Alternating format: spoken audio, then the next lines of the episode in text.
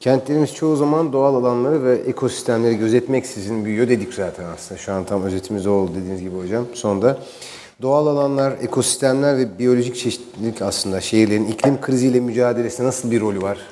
Yani orada nasıl bir hani tam da böyle Birleşmiş Milletler demişken. evet bir e, şu şekilde açıklamak istiyorum ben. Biraz daha bu toplantıda böyle doğanın da e, temsilcisi gibi e, konuşmaya çalışacağım.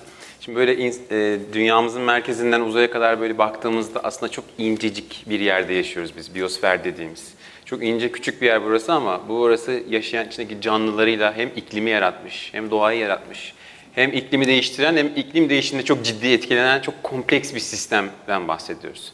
Biz bugün iklim değişikliğini konuşurken muhakkak bu sistemin bu kompleksliğini anlamamız gerekiyor. Yoksa attığımız her adım bize geri kötü bir yanıt olarak dönebiliyor. Mesela ben şunu söylemek istiyorum. Biyolojik çeşitlilik e, tehdit altında. Hep konuşuyoruz. Hı hı. Rakamlar sürekli büyüyor. Daha yeni bilim insanları açıkladı. Artık hani bu önüne geçilemez bir hale geldi. Rakam vermek istemiyorum çünkü değerini düşürdüğünü düşünüyorum ben. E, ama şunu so- söylemek istiyorum. Biyolojik çeşitliliği mesela yok eden 5 temel sebep var. Ben çok bunları kısaca söyleyeceğim. Siz insan etkisini düşünün. Bir tanesi yaşam alanları daralıyor canlıların. Bizim ve şehrin etkisini düşünün. Kirlilik doğrudan canlıları e, yok ediyor. E, istilacı türler yani insan eliyle taşınmış bazı istilacı türler diğer canlıları yok ediyor. Canlılar canlıları yok ediyor. E, bir de e, doğadan aşırı toplama. Bizim hani balık stoklarının etkimiz, avcılık gibi etkimiz doğrudan. Beşincisi çok ilginç, iklim değişikliği. İklim değişikliği doğadaki canlıları yok eden beş nedenden bir tanesi. İklim değişikliğine bakıyorsunuz. Nasıl çözeceğiz? Buradaki sorunlar ne diyorsunuz? Bir tabii bizim ürettiğimiz ayak izimiz. Hepimizin hani bildiği. Ee, bir de doğanın yeterince e, bu yutak görevini görememesi. Çünkü doğa bozuluyor. Yani iklim değişikliği doğayı etkiliyor. Doğa tekrar olumsuz bir şekilde iklim değişikliğine katkı veriyor. Öyle karmaşık, kompleks bir sistemden bahsediyoruz ki onun için bugün şehirleri, insanı adım atacağım, atacağımız bütün adımları düşünürken aslında bunu düşünmemiz gerektiği için bunları söylemek istiyorum. Çünkü biz şehirdeyiz, hepimiz aynı tabiri kullandık aslında. Kara delikler gibi şehirler. Şey, şey, uzaydan bakalım, bir şehir var. Etrafında alanlar var. Boş alanlar gibi gördüğümüz. Tarın, mera, doğal alan, orman, sulak alan gibi yerler var. Bunların hepsinin çok ciddi iklim işlevi var aslında.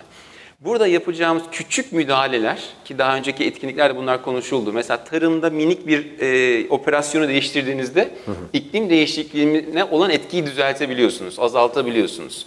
İşte şuradan getirmeyeyim traktörümü de şu şekilde yapayım dediğinizde bir kere gidiyorsunuz, e, nedir o mazot azaltıyorsunuz vesaire. Ya da tarım alanınıza bir çit koyuyorsunuz, canlılar orada yaşamaya başlıyor, kuşlar geliyor, orada ürüyor. Hem biyolojik çeşitliğe katkı veriyorsunuz hem de iklim değişikliği mücadelede e, belli adımlar atabiliyorsunuz. Yani özetle sorunuza yanıt vermek gerekirse inanılmaz bir e, iç içe bir kompleks bir sistem var.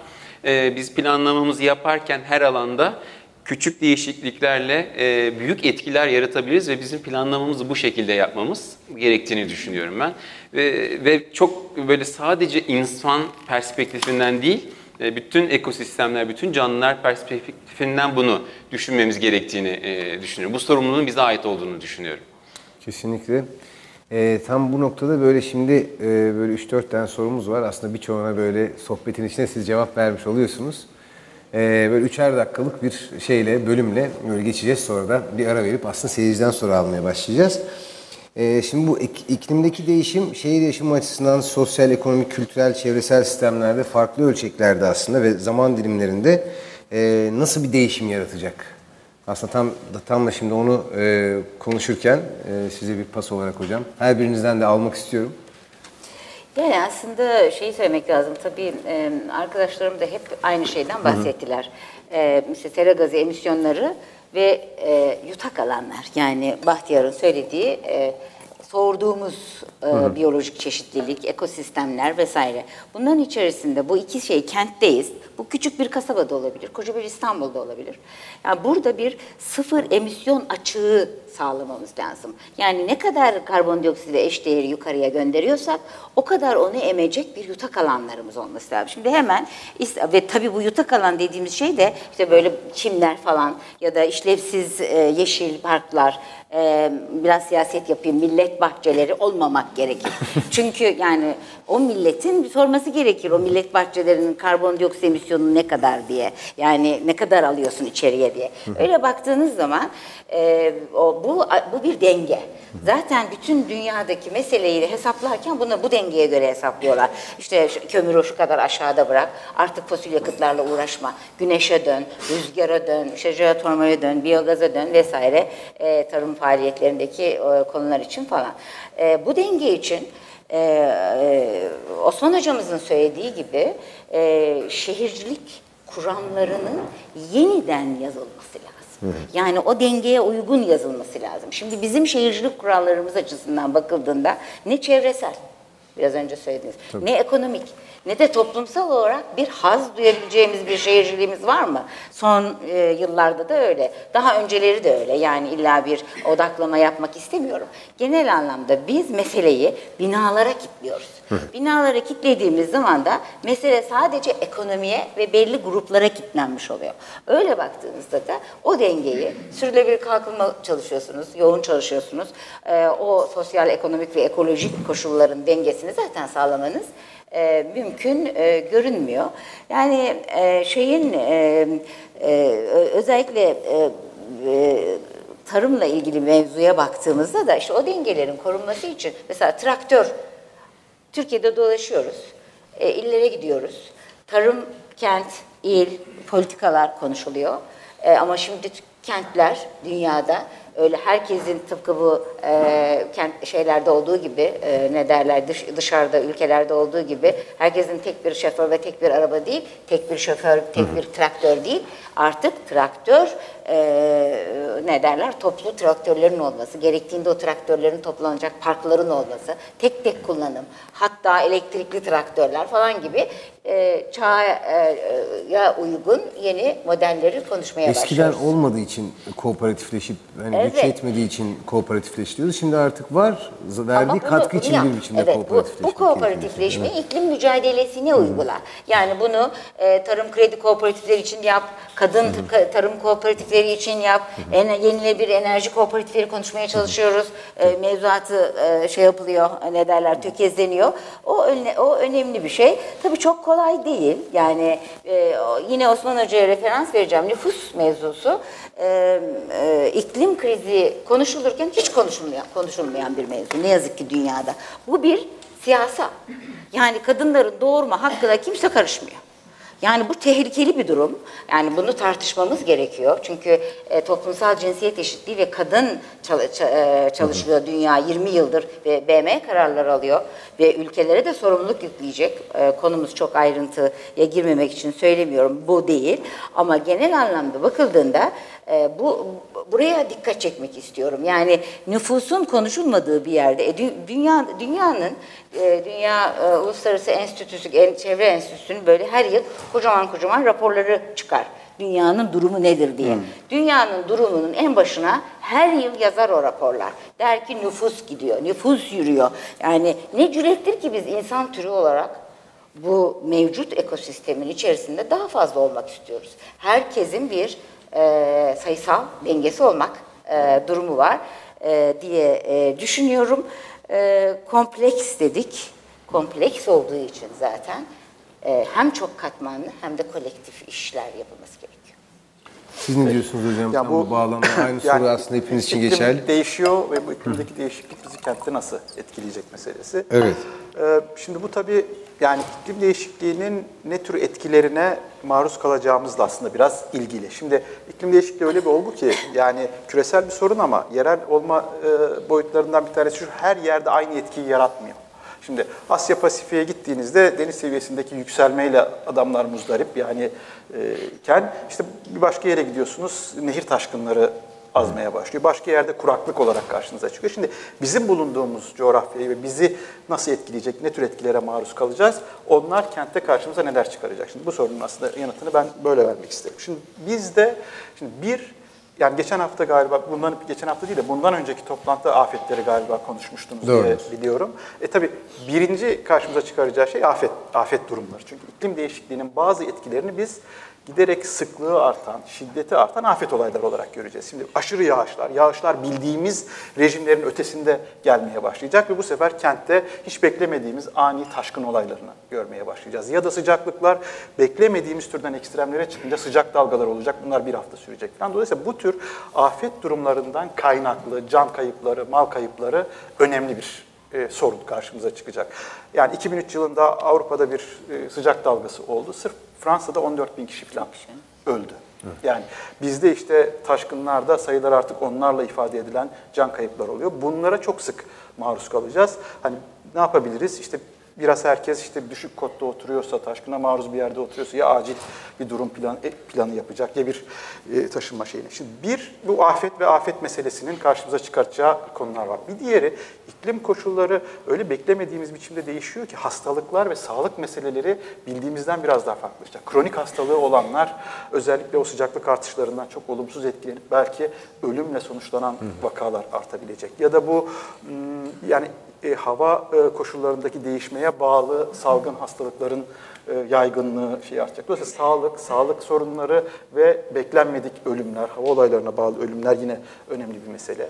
Burada tabii özellikle kışların soğukların beklediğimizin ötesine geçmesi, sıcaklıkların beklediğimizin ötesine geçmesi dış ortamda çalışanlar üzerinde çok olumsuz etkiler yaratacak. Yani çünkü bunun üzerinde mesela Hindistan'da bir grup araştırmacı bunun üzerinde kafa yoruyor. Yani Hindistan'da sıcaklık değişimleri nasıl olacak ve bu dış ortamda çalışanlar üzerinde ne tür etkiler yapacak? Bunu bununla nasıl mücadele edebiliriz diye. Çünkü gündelik hayatının büyük bir bölümünü dışarıda geçiren insanlar kışın çok daha fazla soğuğa, yazın çok daha fazla sıcağa maruz kalacak ve bu hastalık hastalanma riskini arttıracağı gibi o insanlar içerisinde kronik hastalıkları olanları e, ölümle belki burun buruna getirecek. Bunun ekonomik kayıp boyutu olacak. Şimdi liman kentisiniz. Sürekli e, kıyı e, bölgelerinde fırtınalar şeyler. Limanın bir beş gün hava olayları nedeniyle durduğunu bir düşünün. Bu kar topu etkisi yaparak bir sürü sektörü olumsuz etkileyecek. Ya da Antalya'da hava sıcaklıkları öyle bir şeye gelecek ki Antalya artık insanların turizm için çok böyle gitmekten imtina edindikleri bir yer haline gelecek ve ekonomisinin büyük bir bölümü turizme dayalı olan bir kent belki gerileme durumuna gelecek. Bu bizi bir de özellikle Türkiye'yi en önemli etkileyecek mesele su meselesi. Yani onu da galiba yine bir şeyde su başlığı, e, üzerine, su başlığı evet. üzerine konuştunuz. Hı hı. Akdeniz çanağı su rezervleri açısından zaten sorunlu bir yer. Bir de iklim değişikliğinin bu bölgedeki en büyük etkisi su varlığındaki ve su kalitesindeki düşüş olarak karşımıza çıkacak uzmanların söylediğine göre. E, yani ciddi anlamda su tüketiyoruz. Yani bir de bizim bireysel hanelerde tükettiğimiz suyu bir kenara bırakın. Suyun yüzde yetmiş. Bak bugün dünyada tüketilen 100 birim suyun bizim hanelerde işte duş alırken, efendim arabamızı yıkarken filan tükettiğimiz kısmı 5 birim. Bunun 75 birimini tarım kullanıyor, 20 birimini sanayi kullanıyor. Şimdi su kıtlığı ve kuraklık tarımı ciddi anlamda etkileyecek ve bu sefer gıda arzında bir biz problem görmeye başlayacağız. Gıda arzındaki düşüş hemen gıda fiyatlarını arttıracak. Şimdi öyle bir durum ki yani hem gıdaya ulaşmakta güçlük çekeceğiz hem de ulaştığımız zaman bütçemizin önemli bir bölümünü ona ayırmak durumunda kalacağız. Ya bu ve bunun gibi sorunları biz eğer bu problemi çözmekte geç kalırsak bu ve bunun gibi sorunları daha katlanarak, çeşitlenerek artmış olarak göreceğiz. Siz hocam? Aslında tam biyoçeşitliliğe de aslında şehirlerde tabii ele almak. Evet yani hocalarımız e, aslında söyleyecek her şeyi söyledi. Ben Doğru. yine doğa açısından Aynen. baktığımda belki de bundan 10 yıl sonra bugün tahmin edemeyeceğimiz e, farklılıklar görebiliriz iklim değişikliği nedeniyle. E, bunlar şu anda gerçekleşiyor bir yandan da. Belki duyuyorsunuzdur balon balığı, e, işte Anamur'da birini ısırdı, kediler balık yedi öldü filan hani haberleri var. Bu denizlerde oluyor. Aslında bu istilacı türler dedim. Yani istilacı yabancı türler hep geliyorlardı. Süveyş kanalı açıldı, Kızıldeniz'den geldiler. İşte Atlas Okyanusu'ndan gelen gemilerin balast suyuyla geliyordu. Ama bugün neden ortaya çıktı? İklim değişikliğinden dolayı denizlerimizdeki sıcaklık artıyor e, ve bu tropik canlılar için daha uygun hale geliyor. E, onun için eskiden de geliyorlardı, yaşayamıyorlardı. Şimdi denizlerimizde kalmaya başarıyorlar. Yani yaklaşık 500-600 yabancı tür şu anda denizlerimizde e, görülebiliyor. Sadece e, bunlar hayvanlar değil, bitkiler de var. E, bunun aynısı e, karada da olabilir. Yani bugün etrafta gördüğümüz canlıların bir kısmını göremeyebiliriz. Ya da işte hocamın insanlar için verdiği örnek bir hastalık, e, hastalık demeyelim, bir, bir canlı türü e, bugün sıcak olduğu için İstanbul ormanlarına ya da kuzey ormanlarımıza geldi e, oradaki bütün ormanlara zarar verdi. Oradaki her şeyi değiştirebilir. Yani bizim yaşamımızı etkileyebilecek e, o doğa dokusunu da etkileyebilir. Ve bunu tahmin etmek ilk e, soruda da onu söylemiştim. Gerçekten çok zor ve kompleks bir e, şey içeriyor. E, denemeyi içerdiği için tahmini çok zor e, oluyor. Sadece bunu eklemek istiyorum ben de. Şahane. Şimdi e, bir yandan da hocam kimseyi geride bırakmamak adına şehir iklim kriziyle aslında mücadelede hiç kimseyi geride bırakmamak adına eşitsizliklerin azaltılması için nasıl bir bakış açısı gerekiyor? E, sosyal hak ve adalet boyutu, toplumsal cinsiyet eşitliği tarafı, gelecek nesillerin karar verme mekanizmalarına katılımda iklim kriziyle mücadeleyi nasıl ele almalıyız aslında bir yandan da? Çok önemli. Yani kelime eşitsizlik aslında her şey eşitsizlikle başlamış durumda. Yani gelişmiş ülke, e, fakir ülkeler. Yani aslında bu eşitsizliğin sonucunun kurbanıyız biz iklim değişikliği. Bunlar yüzünden oldu. Yani gelişmiş ülkeler e, vahşi bir büyüme talebiyle e, bu süreci götürdüler ve yani e, diğerleri gelişemediler. Diğerleri belki karbondioksit emisyonu açısından çok suçlu değillerdi. E, sayısallaştırma anlamında bakıyorum.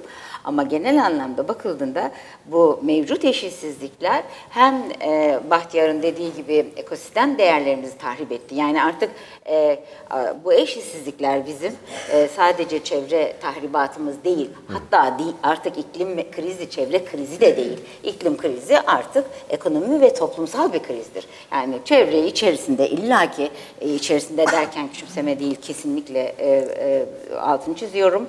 E, e, elimizden geldiği kadar kurtarmaya sürdürülebilir kalkınma yoluyla o da ısıtılıp ısıtılıp masamıza konulan bir süreç esasen. O da bir oyunların içerisinden oyun olarak geliyor. Eşitsizlik deyince e, ben e, şey en baştaki sorunuzla başlayayım mesela. Yerel iklim eylem planlaması yapıyorsunuz. Ee, yapılması gereken ne? Osman hocamız ne dedi? Risk alanlarının belirlenmesi lazım dedi. Siz bu, bu kentte bir risk alanlarını belirlemeye kalkın. Dere yataklarındaki binaları, işte o e, geçirimsiz e, beton, e, e, olumsuz yapıları vesaire. Bunların hepsinin daha çok yoksulların yaşadığı yerlerde olduğunu görürsünüz. Zaten buradan yoksulların ne kadar etkileneceğini yani düşük e, gelirli e, grupların ne kadar etkileneceğini görmek mümkün. Ama e, bunun e, paralelinde ayrı bir kocaman bir konu e, e, cinsiyet eşitsizliğine de yürüyorsunuz oradan. Yani normal şartlarda hep aynı jargonu kullanıyoruz çünkü e, dünyada da kadın ve iklim verileri az olduğu için e, belirli araştırma e, çalışmalarının rakamlarıyla kullanıyoruz. Ama mesela büyük siklonlarda, büyük fırtınalarda, Bangladeş'te, işte ne bileyim e, Mitch kasırgasında vesaire e, kadınlar ve erkeklerin ölüm oranlarına bakıyorsunuz. Kadınlar daha çok ölüyorlar. Neden? İki türlü. Orada hem dominant e, karakter olarak erillik de var. Yani a, a, a, şey diyor ki erkek sen dur ben bir gideyim e, e, şey yapayım kurtarayım sizi diyor. Öyle ölüyor. Ya da e, daha hüzünlü önce erkek çocuğunu kurtarıyor ki soyadı yürüsün diye. Yani bunların aslında sosyolojik boyutuyla birlikte tartışılması gereken e, konular olduğunu düşünüyorum. E, e, yine Osman hocamız işaret etti. Kentlerde nasıl bir baskı? Kentler kö- göç yeri. Gitme ya da kalma yeri. Yani e, şimdi Suriyeli akın içerisindeyiz. Bu konuşuyoruz bunu. Suriyeliler sadece savaştan kaçmadılar. Kuraklıktan kaçtılar. Dolayısıyla o kuraklıktan kaçanların sayılarına bir bakın. Ee, dünya ölçeğinde de baktığınızda göç oranlarına e, işte onda 8 kadın yani 8'i kadın. Ee, o, oradan kadın ve e, iklim e, kriziyle mücadeledeki odaklanmayı görmeniz lazım. Görülüyor mu? Dünya 20 yıldır bunu görüyor, görmeye çalışıyor. UN damgalı kararlar, hatta şimdi ülkelere Paris İklim Anlaşması'ndan sonra her ülke ulusal olarak e, iklim değişikliği ve e, toplumsal cinsiyet eşitliği ulusal planınızı yazın dedi. Ama algı zayıf. Yerel iklim eylem planlamasında hiçbir zaman sayısallaştırılmış bir hedef bile yok. Yani hani siz diyorsunuz ya arada konuştuk e, katılımcılık, e, özel şirketlerin e, çalışanları, yönetici kadrolarındaki eşlikler falan e, bunlar henüz devlet kademelerinde algılanan bir mesele değil. Sivil toplumda da zor, tırnak içerisinde burada çok kadın var onun için söylemem lazım. Ee, biz e, e, çevreci kadınlar toplumsal cinsiyet e, e, ne derler e, algımızda zayıfız hala. Birincisi o. e, ya da kadın örgütleri odaklandıkları şey dezavantajlılık. Halbuki biz aktör olmak istiyoruz. Bu iklim aktörleri, iklim kadın savunucuları bunlar çok ciddi meseleler ve e, bununla ilgili dünya kadar da örnek var. E, Mozambik, Ürdün, Meksika bütün ulusal e, olarak kadın ve iklim eylem planlarını hazırladılar. Yani e, tohum bankalarının başında kadınlar var. Anlayın siz tarım ve iklim e, etkileri e, konusunda e, ne olduğuna dair e, konuları. Onun için bu göç önemliydi. E, rakam olarak da 2050 yılında e, BM projeksiyonları, Birleşmiş Milletler projeksiyonları dünyada iklim göçlerinin 200 milyonun üstünde olacağını söylüyor. Yani e, en son çalışmalar bunu gösteriyor. Bunu söylemem lazım. Mesela e, Osman hocamız dedi ki turizm sektöründe darboğaz olabilir. Antalya turizm sektörüyle ekonomisini idame ettiren bir büyük şehir. Ama bazen de fayda olur. Sinop'ta denize giriliyor birkaç aydır. Sürekli giriliyor artık. İşte burayı da unutmayın. Yani asıl mesele biz buralara hani e, e, zaten bu alarmist dil her zaman tehlikeli oluyor. E, dikkat etmemiz lazım. Yani e, aciziyet ifade ediyor çünkü. Ama bir yandan da eğer akıllı davranırsak, iklim akıllı politikalar üretirsek, bunu ben sadece hükümete ya da yerel yöneticilere diye düşünmüyorum.